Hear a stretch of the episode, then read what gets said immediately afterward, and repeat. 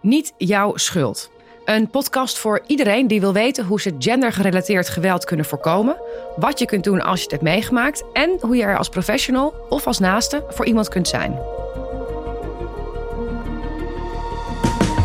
Je maakt je klaar om met je vrienden een avond te gaan dansen in de club. Maar als je voor de spiegel staat, dan kies je een andere outfit dan je eigenlijk wil. Want hiermee ga je sowieso ongevraagde aandacht van mannen krijgen. Belachelijk natuurlijk, vindt ook Zoe. Ik ben Zoe, ik ben 23 jaar oud en ik woon nu zo'n vier jaar in Amsterdam. Ehm, ik ben creatief producent in, de creatieve sector. Het uitgaansleven moet een plek zijn waar iedereen zich veilig en vrij voelt. Maar helaas gaat dit toch geregeld mis. Waar het misgaat en wat clubs, maar ook scholen kunnen doen aan grensoverschrijdend gedrag, daar houdt Julienne zich mee bezig. Ik ben uh, Julienne, ik ben 25 jaar. Ik werk bij Stichting Sex Matters als projectcoördinator en trainer Safer Clubbing. Mijn naam is Lisbeth Rasker en dit is Niet Jouw Schuld. Met in deze aflevering geweld in het uitgaansleven. Ik ben uh, drie jaar geleden bij Sex Matters terechtgekomen als vrijwilliger. Ik werkte toen uh, bij mijn eerste baan en dat was in uh, meiden vrouwenemancipatie. En dat is echt heel erg waar mijn passie ligt. En die passie heb ik erg ontwikkeld tijdens mijn studie. Um, en wat ik toen ontdekte was dat een heel groot onderdeel van vrouwenemancipatie is ook seksualiteit. En meer kracht vinden in seksualiteit. En daar wilde ik iets mee doen. En toen ben ik als vrijwilliger bij Sex Matters gaan werken en trainingen gaan geven aan uitgaansgelegenheden En Sex Matters is er helemaal op gericht op die training in het uitgaansleven of is het breder dan dat? Het is veel breder. Het is helemaal begonnen acht, negen jaar geleden als uh, stichting die zich richtte op met jongeren praten over gender, seksualiteit, consent. En dat zijn ze gaan doen door allerlei workshops te geven um, op scholen, op mbo's, bij het jongerenwerk. En naarmate ze dat aan het doen waren, eigenlijk best wel veel jaren en steeds meer workshops hadden ontwikkeld, kwam er een vraag uit het uitgaansleven. Mm -hmm. uh, eigenlijk van een pa paar clubs die zeiden van de thema's waar jullie mee bezig zijn, daar hebben wij ook constant mee te maken tijdens ja. een uitgaansavond. En kunnen jullie ons niet daarop trainen? En eigenlijk vanuit die vraag uit het veld hebben ze een training ontwikkeld. Uh, en omdat ik zelf veel in het uitgaansleven zat en in de festivalwereld, sprak me dat het meeste aan. Ook omdat ik mezelf echt heb ontdekt in het uitgaansleven. En daar heel erg aan wilde bijdragen dat andere mensen zich daar ook veilig en vrij zouden voelen. Ja. Maar Sex Matters die doet ook heel veel op scholen uh, en bij studentenverenigingen en nu ook bij bedrijven. Dus dat verschilt heel erg. En wat we ook doen is, we hebben in Amsterdam een samenwerking met Stichting Nachtburgemeester. Zij hebben een paar jaar geleden het project Club Ethics gelanceerd. En bij Club Ethics sluiten verschillende clubs zich aan en committeren zich gezamenlijk aan een veiliger nachtleven in Amsterdam. We hebben een gedragscode geschreven die dan voor elke club geldt. En elke club die zich aansluit, die krijgt twee safer clubbing trainingen van ons. En we hebben uh, elk kwartaal een meeting met alle clubs. En wat we dan doen is eigenlijk casussen bespreken van nou, wat is er gebeurd, hoe kunnen we elkaar daarin helpen, wat voor adviezen we hebben we voor elkaar. En wat ik heel erg mooi vind aan club ethics is dat we niet zeggen elke club is individueel verantwoordelijk voor de veiligheid in dienst club, maar we zeggen het nachtleven van Amsterdam staat er samen voor en laten we elkaar helpen. Dus in zo'n kwartaalmeeting kan je bespreken van oh, dit was een lastige situatie, hoe zouden jullie daarmee omgaan? Uh, en daarnaast uh, is Sex Matters er voor advies en voor trainingen waar je, die je tot je beschikking hebt als je meedoet met het project. Ja, ik denk dat ik het meer persoonlijk meer ervaar met het uitgaansleven dan echt overdag. Overdag, wanneer ik wel bijvoorbeeld seksuele intimidatie ervaar, dan is het toch anders of zo. Want het is ook in een openbare ruimte. En met het uitgaansleven ben je denk ik toch wel echt in een soort omgeving waar meer ruimte is voor contact zoeken met anderen. En dan heb je ook nog weer dat het uitgaansleven, dat, dat er soms een soort van een ongeschreven afspraak is van, oh ja, als je uitgaat, dan zit je daar dus ook op te wachten of zo. Terwijl dat hoeft ook helemaal niet. Je kan ook gewoon lekker uitgaan en om een leuke tijd te hebben. En je hoeft niet per se met een doel daar naartoe te gaan om uh, met iemand uiteindelijk mee naar huis te gaan of zo. Sommige mensen denken ook dat het een soort van uitnodiging is als je bepaalde dingen draagt of zo, of hoe je je kleedt.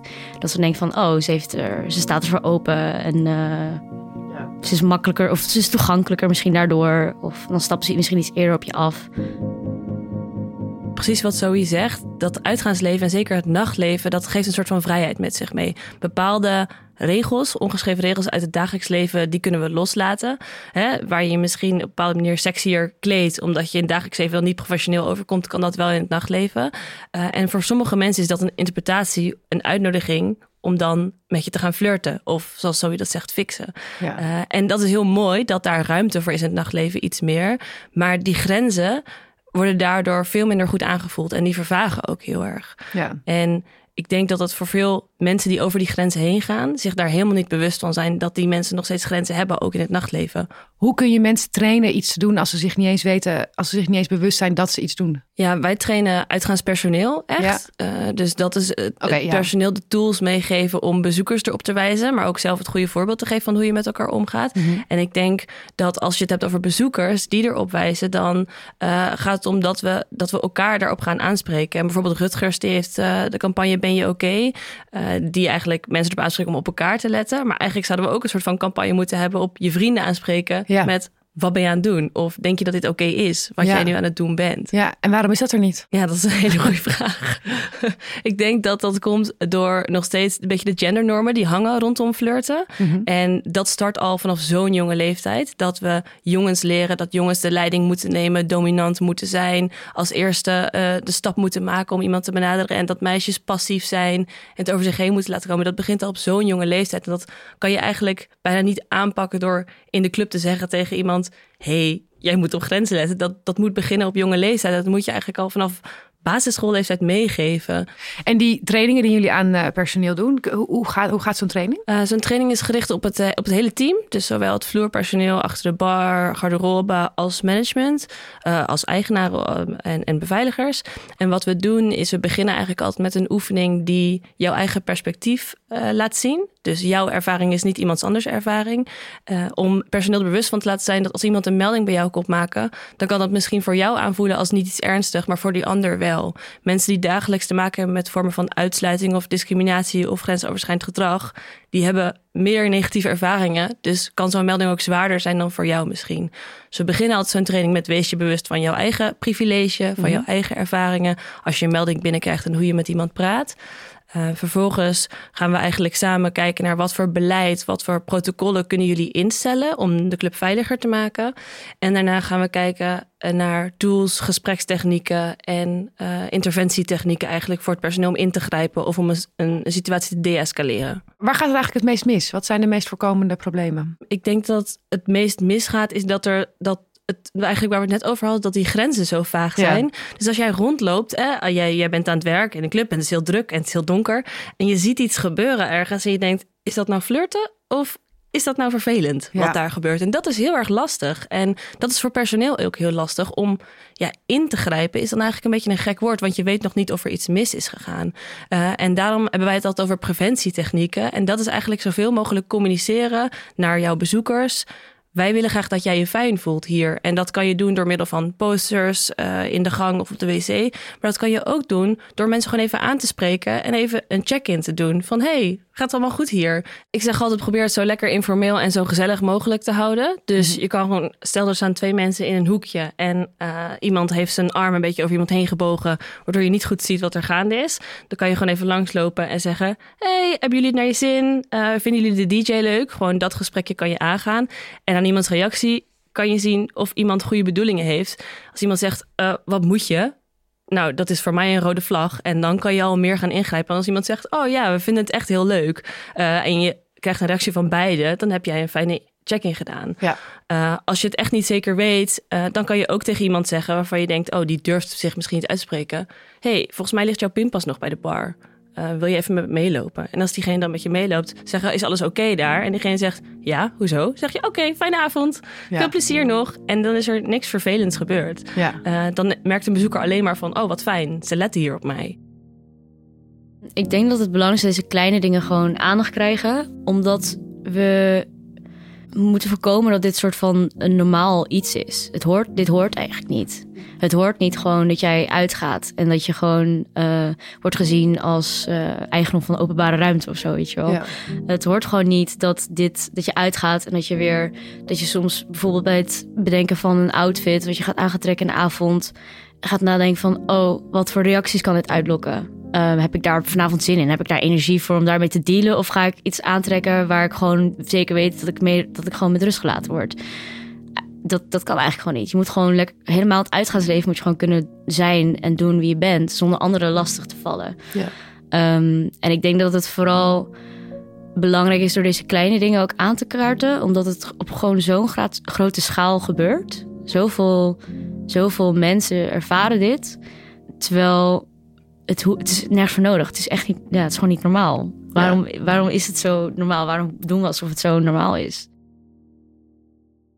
Dat doorbreken begint niet alleen met het uitgaansleven, maar dat begint eigenlijk in allerlei plekken van, van dagelijks leven, waar we elkaar moeten aanspreken op. Het is belangrijk dat jij je veilig voelt, het is belangrijk dat jij je fijn voelt. Dat is ook op school, dat is ook op werk, want ook daar gebeuren heel vaak grensoverschrijdende dingen die je dan maar goedkeurt voor jezelf. Mhm.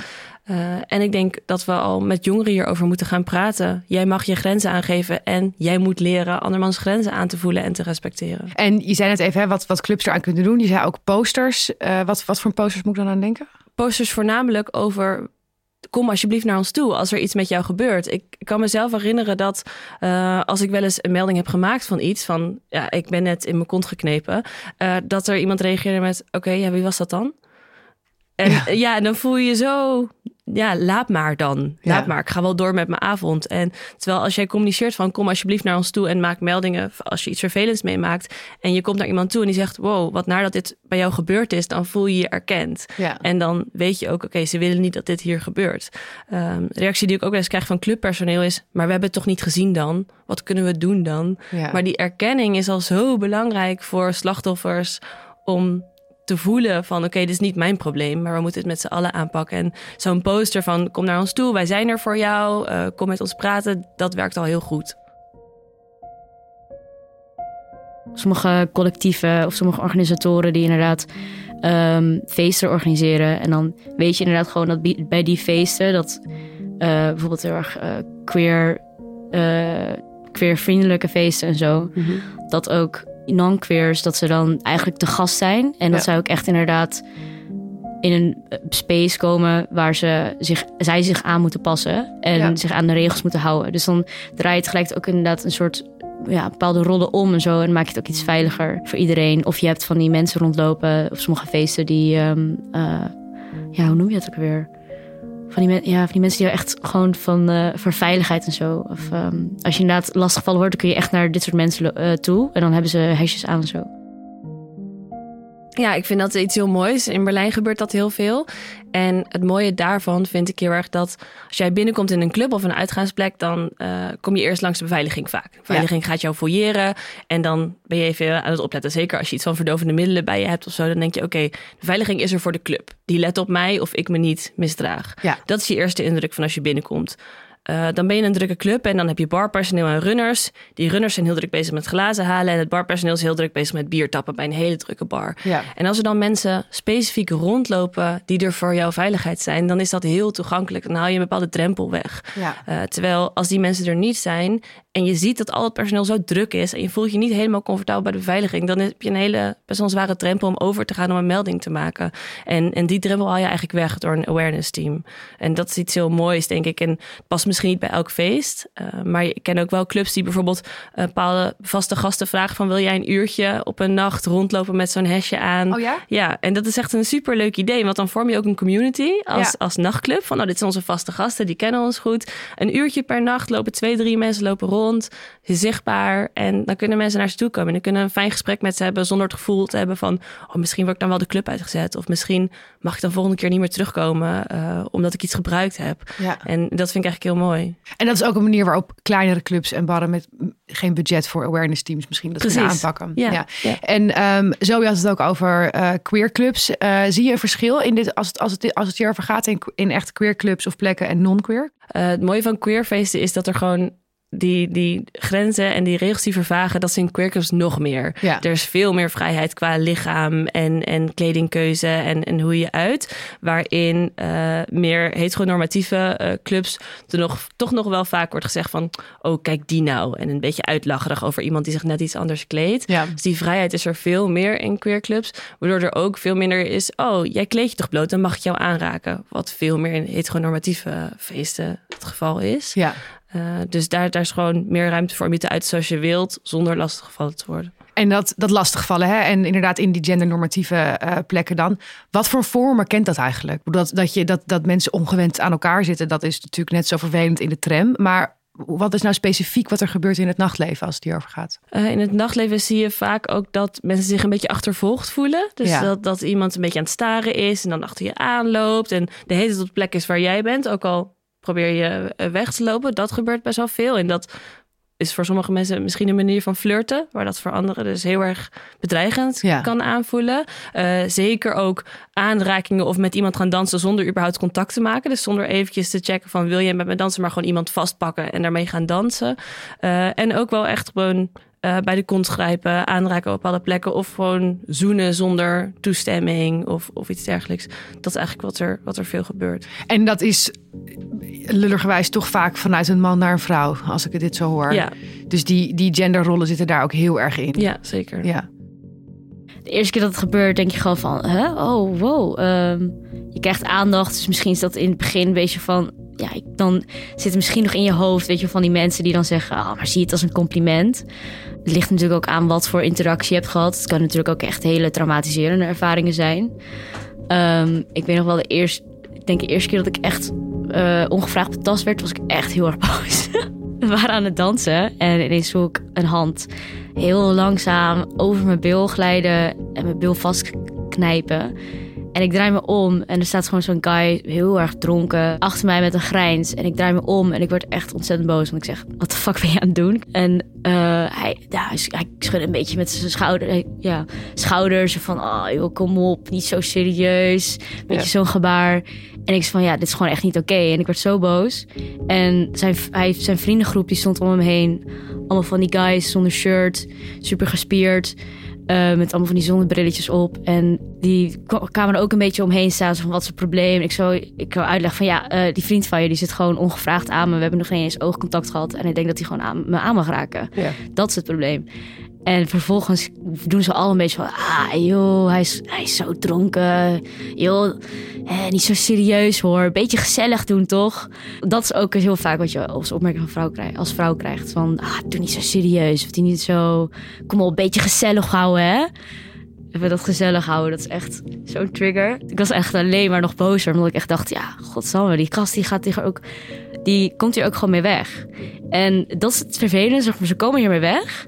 En wat nog irritanter is, is dat ze gewoon echt niet inzien dat dit niet oké is. Ik vind het heel knap als je zo sterk in je schoenen staat, als je daar boos op kan worden. Ja. Want wat ik van mezelf heel erg ken, als zoiets me gebeurde, dat iemand aan me zat, dat ik gewoon echt verstijfde in een soort van freeze. En dacht, oké, waar kan ik heen? Naar wie kan ik toe? Wie, wie, bij wie voel ik me wel veilig? Ja. Eh, en dat vind ik best wel heftig. Want ik denk dat dit vaker gebeurt. En zeker ook dat zo'n groepje mannen zo niet bewust is van hoe bedreigend zo'n situatie over kan komen, vind ik wel heel heftig. ja, en dat bagatelliseren, hè? die Ja. zin, ah joh, lekker gezellig, die ken ik ook wel. Ja. Die kent elke vrouw. Die zich, ja, eh, ja, of doe eens leuk of lach eens. Eh, dat, dat is echt heel heftig. Het is dat, toch een feestje? Ja, dat bepaalde mannen zoiets op willen leggen. Ja, en hè, wat, wat, wat, wat ik ook eerder zei, als je je helemaal niet bewust bent van dat je iets doet, is het heel lastig om het af te leren. Ja. Ehm, hoe, hoe kan dat dan toch kunnen? Hoe zouden we dat dan toch kunnen doen?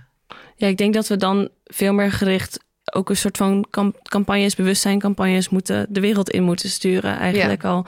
Als je ziet hoeveel mensen nu op social media zitten. Ja, maak maar video's die je op social media kan zien. Waarin je duidelijk schetst van dit is niet oké. dit soort gedrag hoort niet. Eh, en, en ga gesprekken voeren met dit soort mensen op allerlei plekken hierover eigenlijk. Merk je eigenlijk een verschil in wat mannelijk barpersoneel opvalt en wat vrouwelijk barpersoneel opvalt? Is daar- Zeker. Ja? ja, Kun je daar vertellen? vrouwelijk barpersoneel heeft veel meer voelsprieten voor eh, situaties die voor vrouwen vervelend kunnen zijn. Ja. Eh, waarbij mannen hebben gewoon een dominantere positie in deze maatschappij. Dus voelen zich ook minder bedreigd. Maar dat is een beetje hetzelfde als als je aan een man vraagt... voel je je veilig als je in het donker naar huis fietst? Dan Ja. zegt hij waarschijnlijk ja, hoezo niet? Ja. Eh, terwijl de meeste vrouwen zullen zeggen... nou nee, ik kijk toch wel een beetje om me heen. Ik zet mijn muziek uit, maar ik hou wel mijn oortjes in. Of ik ga met iemand bellen. Eh, en Doe alsof je met iemand belt. Precies, en dat hele vrouwelijk barpersoneel Ja. heeft dat ook. Omdat ze zelf ook in vervelende situaties hebben gezeten. En daardoor letten ze anders op bezoekers dan mannelijk barpersoneel dat doet. Ja, en daar ligt, daar ligt dus echt een nou ja, opvoedingstaak. Dat klinkt ook weer zo, maar Vooral veel meer gesprekken tussen elkaar. Eigenlijk Ja. tussen mannen en vrouwen en alles wat daartussen eh valt. Want ik vind het heel grappig om te beseffen dat mannen daar niet bij stilstaan. Eh, Ja. dat vrouwen zich nou, bedreigd voelen als ze in het donker naar huis fietsen. Of in hun eentje tussen een groepje mannen zonder shirt staan met zonnebrillen op. ja. Eh, dat, daar moeten we veel meer gesprekken met elkaar over voeren. Dus ook onder, vrienden onder elkaar. Uh, moeten dat eigenlijk meer gaan doen. En hoe zou je zo'n gesprek kunnen voeren? Ik herken dit hoor. Ik heb ook soms kwartjes horen vallen in het hoofd van mannelijke vrienden als ik ze uitleg dat het hoe, hoe dat kan zijn s'avonds. Maar ik heb ook vaak genoeg meegemaakt dat ik toch merk dat er een, een sfeer hangt van... ja, god, ja, jeetje, zo kun je overal wel bang voor zijn. Zeg maar dat het toch een beetje wordt weggedaan als aanstellen merites. Ook van mensen die op andere vlakken wel heel begaan zijn met het feminisme of emancipatie. Hè? Dus het is niet alleen de, de, de, degene die er van afstaat.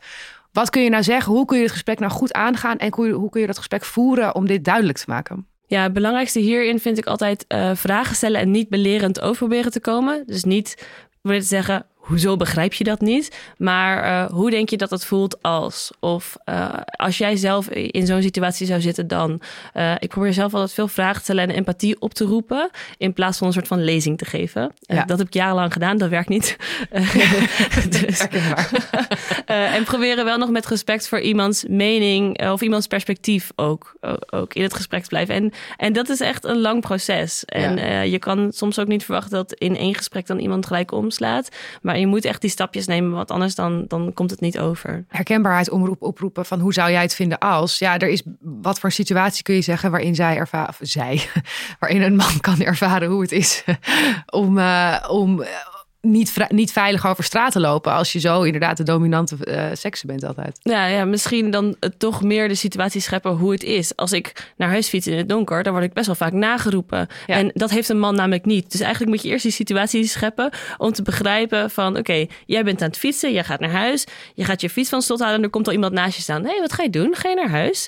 Oh, waar ga je heen dan? Oh, waar woon je dan? Woon je in Oosten, woon je in West? Die moet je afwimpelen. Oké, dan heb je je fiets gepakt. Oké, je gaat fietsen.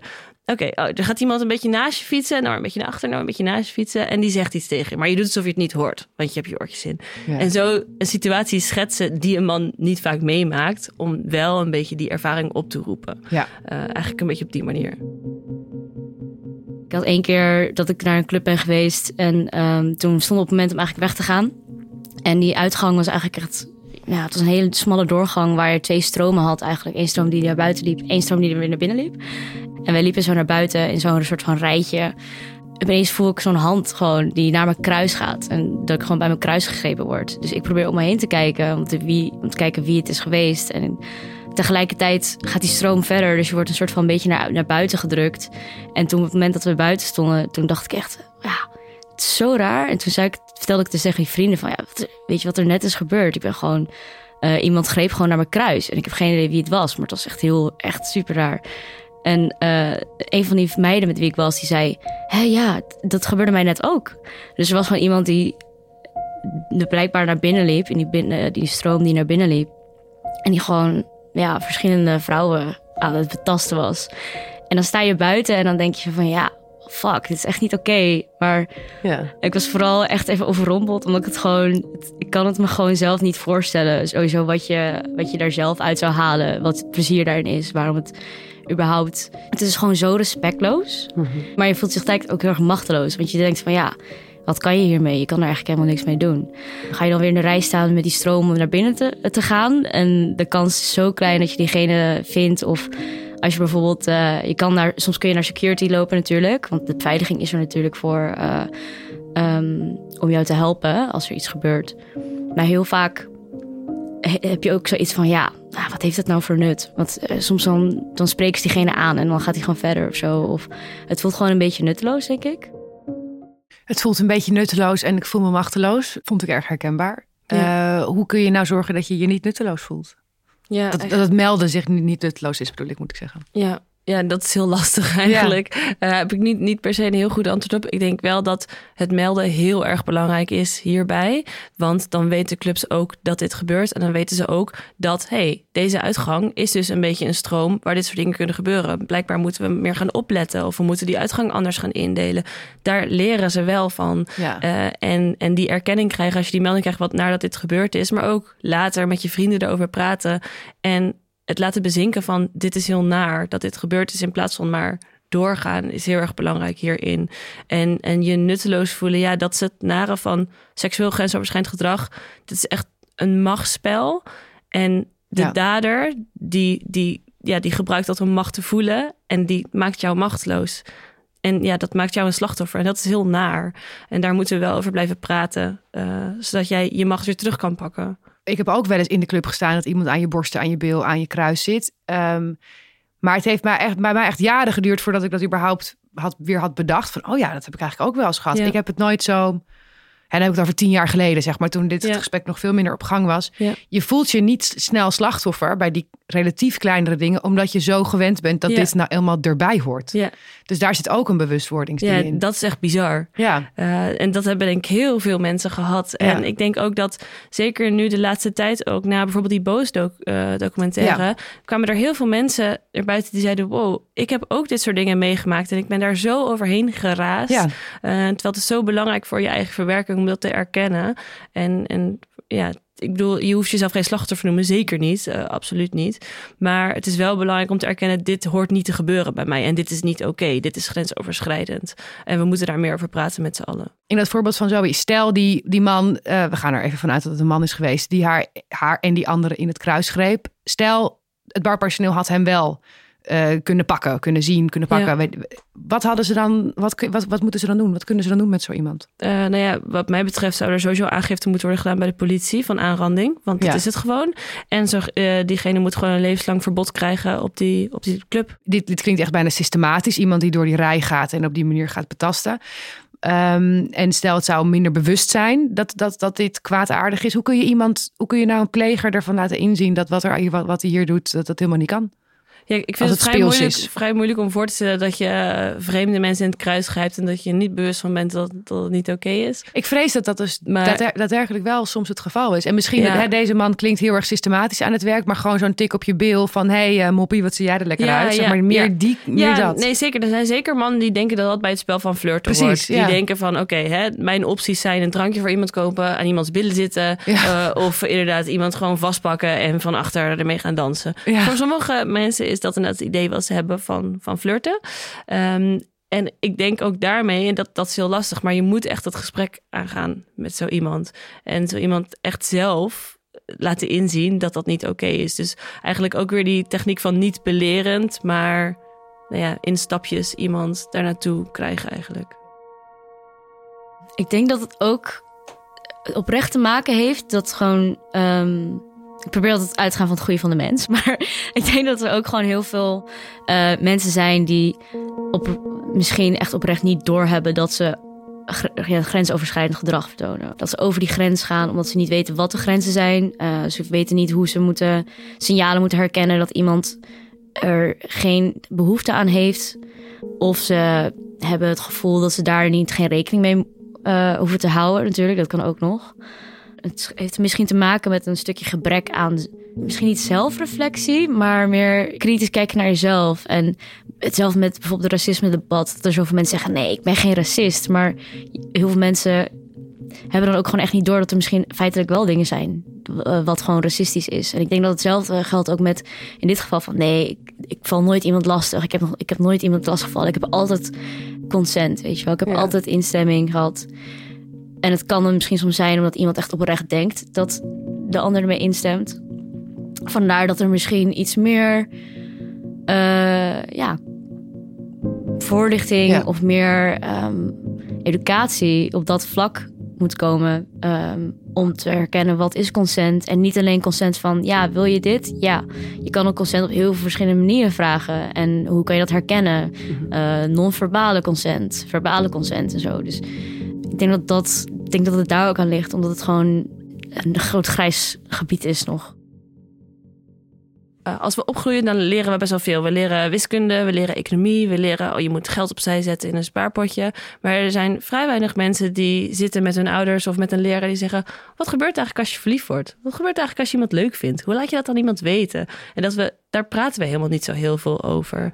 Uh, en dat vind ik zo bizar, hoeveel je leert als je opgroeit, maar dat er eigenlijk vrij weinig mensen vroeger hebben gezeten. En dan, oh, als je dan bepaalde gevoelens krijgt, seksuele gevoelens, ja, hoe uit je dat dan? Of hoe vertel je dat dan aan iemand? En, uh, of hoe zeg je eigenlijk, ja, ik zou wel graag met je willen zoenen, maar, maar daar houdt het ook al mee op. Uh, dat soort dingen zijn zo belangrijk. Dat is een, een rode draad die door je leven loopt. Ja. Maar best wel veel mensen moeten dat zelf uitzoeken. Ja. Zelf dat spel gaan uitzoeken van flirten. En zelf gaan uitzoeken hoe laat ik eigenlijk aan iemand weten uh, dat ik diegene leuk vind. Of dat ik seks wil hebben met diegene. Of, of wil zoenen met iemand. En precies wat Zoe zegt, eigenlijk, dat, dat doen wij ook in de klas heel veel. Uh, is, is daarover praten eigenlijk met, met leerlingen. Hoe doe je dat? En dat verschilt per generatie. Um, nu krijgen we vaak van leerlingen te horen, ja, dan ga je met iemand appen. Oh ja? ja, oké. Okay. Ja, wat gebeurt er? Ja, dan gaat de jongen appen en als meisje dan terug appt, dan vind je elkaar leuk. Oké. Okay. Oh, zo, zo, werkt dat? ja, ja.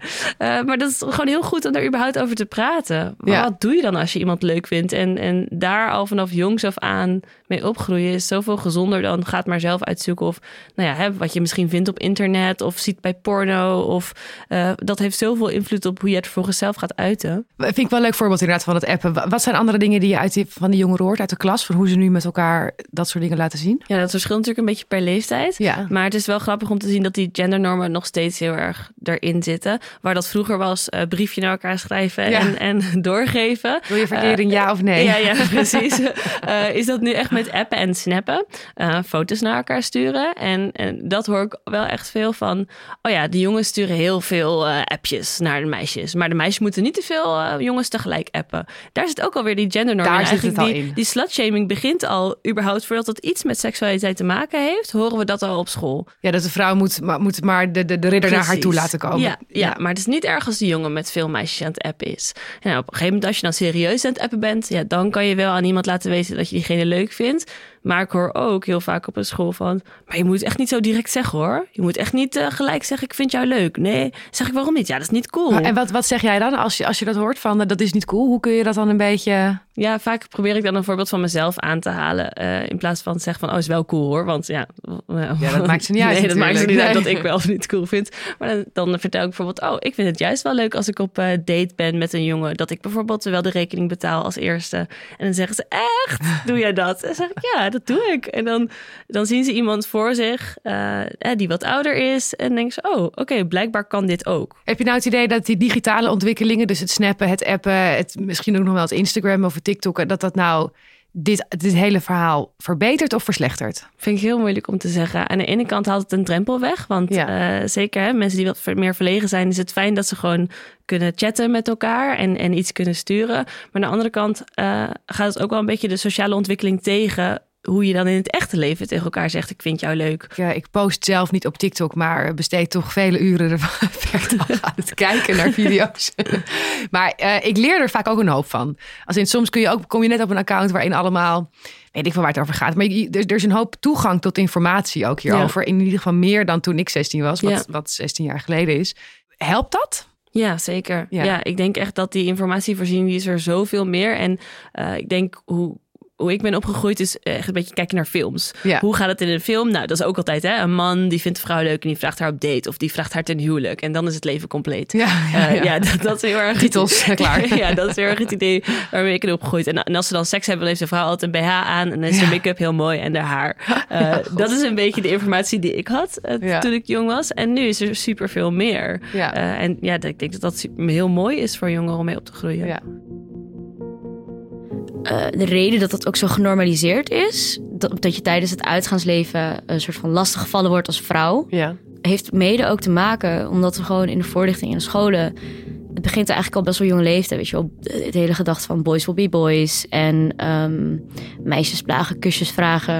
Het begint al zo jong en um, in het in de seksuele voorlichting op middelbare school heb je het wel over consent gehad. Maar dat gaat dan meestal over, ja, je vindt iemand leuk en jullie willen seks hebben. Um, check dan met elkaar, want beide moeten er wel zin in hebben. Maar met het uitgaansleven zijn er gewoon zoveel, denk ik, ook grijze gebieden. Ja. En um, ik denk dat het ook heel erg belangrijk dat dat in die voorlichting het niet alleen gaat om wat kan je doen als vrouw wanneer je lastiggevallen bent of wat, uh, hoe kun je dit voorkomen of uh, hoe uh, moet je met zo'n situatie omgaan. Want daardoor ligt, het, ligt de focus en de verantwoordelijkheid bij vrouwen. Ja. Terwijl eigenlijk moet het is het een probleem van iedereen. En ehm, helemaal ook veel voor vrouwen, maar ook voor mannen. Het gaat ook om gedragsregels, denk ik. En de juiste communicatietools geven um, om op verschillende manieren uh, te leren hoe je eigenlijk consent kan vragen of geven. En, en om dat te herkennen, denk ik. Een, uh, een, oefening die wij vaak met leerlingen op scholen doen, is een oefening waarbij je in kleine stapjes steeds dichter bij elkaar komt lopen. Dus steeds meer in elkaars space komt. En de eerste oefening is dat je dat met woorden mag aangeven. Hoe, wanneer iemand moet stoppen. Dus dan kan je zeggen nee of stop of uh, tot hier en niet verder. En de tweede oefening is hoe je dat zonder woorden uh, kan aangeven. En dat is dan met je handen of een stap, dat je zelf een stap naar achter doet. En daar überhaupt over nadenken is iets wat ik zelf vroeger niet per se deed. En ik denk dat dat al heel goed is. En dat je dat ook als je volwassen bent met elkaar kan bespreken. We doen ook wel een, een emotiekaartjespel. Dat is heel leuk. Dan uh, krijgen ze een, een emotiekaartje uh, uitgedeeld en gaan ze in tweetallen zitten. En dan kunnen ze niet zien welke emotiekaartje de ander heeft. En dan moeten ze dat gaan uitbeelden. Dus dan is de emotie bijvoorbeeld verdrietig of boos of uh, gefrustreerd. En dat is om ze te leren dat soms durft iemand zich niet te uiten. Uh, soms ben je bij iemand en dan durft diegene niet te zeggen: Ik vind het niet meer leuk. Maar kan je dat wel aflezen aan iemands lichaamstaal of aan iemands gezicht? En dat is eigenlijk de oefening die ze hiermee doen. Dus ga maar dat kaartje uitbeelden en dan ga maar aanvoelen. Dan moeten ze van elkaar raden: Oh, jij bent nu boos. Of jij bent nu bang. Of jij bent nu onzeker. en dat is ook een oefening waarbij ze gewoon zonder heel bewust te zijn dat het over consent gaat. Ja. Het is een consentoefening. Uh, leren ze om emoties te lezen en lichaamstaal aan te voelen. En wat je kan doen is, je kan op diegene afstappen en gewoon zeggen van, uh, je kan eerst vragen van, hey, uh, alles oké of zo weet je wel, of je, gaat het goed of valt diegene je lastig? soms in sommige situaties kun je dat het beste een beetje uit het zicht doen soms. Want het kan ook weer een bepaalde reactie uitlokken bij de ander. En verder, als jij jezelf daar niet comfortabel bij voelt, dan kun je inderdaad even iemand die, daar werkt, uh, eventjes aantikken.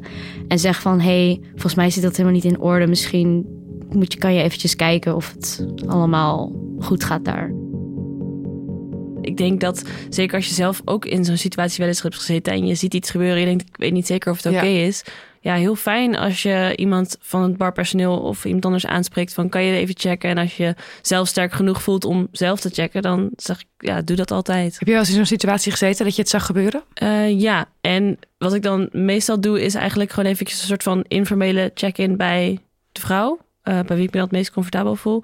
En zeg van, hey, was jij niet net op zoek naar je vriendin daar? Ik heb haar gevonden of zo. Ja. En dan even checken of dat, ja, of het oké is. En wat zij ook zei, hè, van um, misschien moet je dat niet zeggen waar diegene bij is, want dat kan escaleren. Dat is denk ik wat heel veel vrouwen herkennen. Dat je altijd die fine line bewaakt tussen wel duidelijk maken dat je geen interesse hebt, maar dat je iemand niet onnodig boos maakt. Hoe, heb je daar nog een uh, advies voor? Of hoe kun je daarmee omgaan? Ja, ik herken dat heel erg, maar ik vind dat eigenlijk bizar. Ja, is het, uh, het is natuurlijk niet de bedoeling dat iemand boos wordt als jij diegene afwijst op een bepaalde maar manier. Ja, dat gebeurt natuurlijk. Uh, maar, maar dat gebeurt natuurlijk wel. Ja, nee, zeker. Maar ik vind het eigenlijk nog steeds zo'n bizarre realisatie dat we daar rekening mee moeten houden. Ja. Want in principe zou het gewoon het spel van flirten zou gelijkwaardig moeten zijn. Ja. En uh, in principe zou iemand ook alleen maar willen dat jij diegene wil als dat oprecht is. Dat, dat is naar mijn mening zo. Ik hoor ook veel uh, vrouwen zeggen, of veel ook personeel, dat in een training zegt van ja, als ik zelf word lastiggevallen door een bezoeker, zeg ik altijd dat ik een vriend heb. Ja. Uh, het is eigenlijk zo belachelijk dat je dat moet zeggen om iemand af te wijzen. Terwijl eigenlijk zou het genoeg moeten zijn om te zeggen,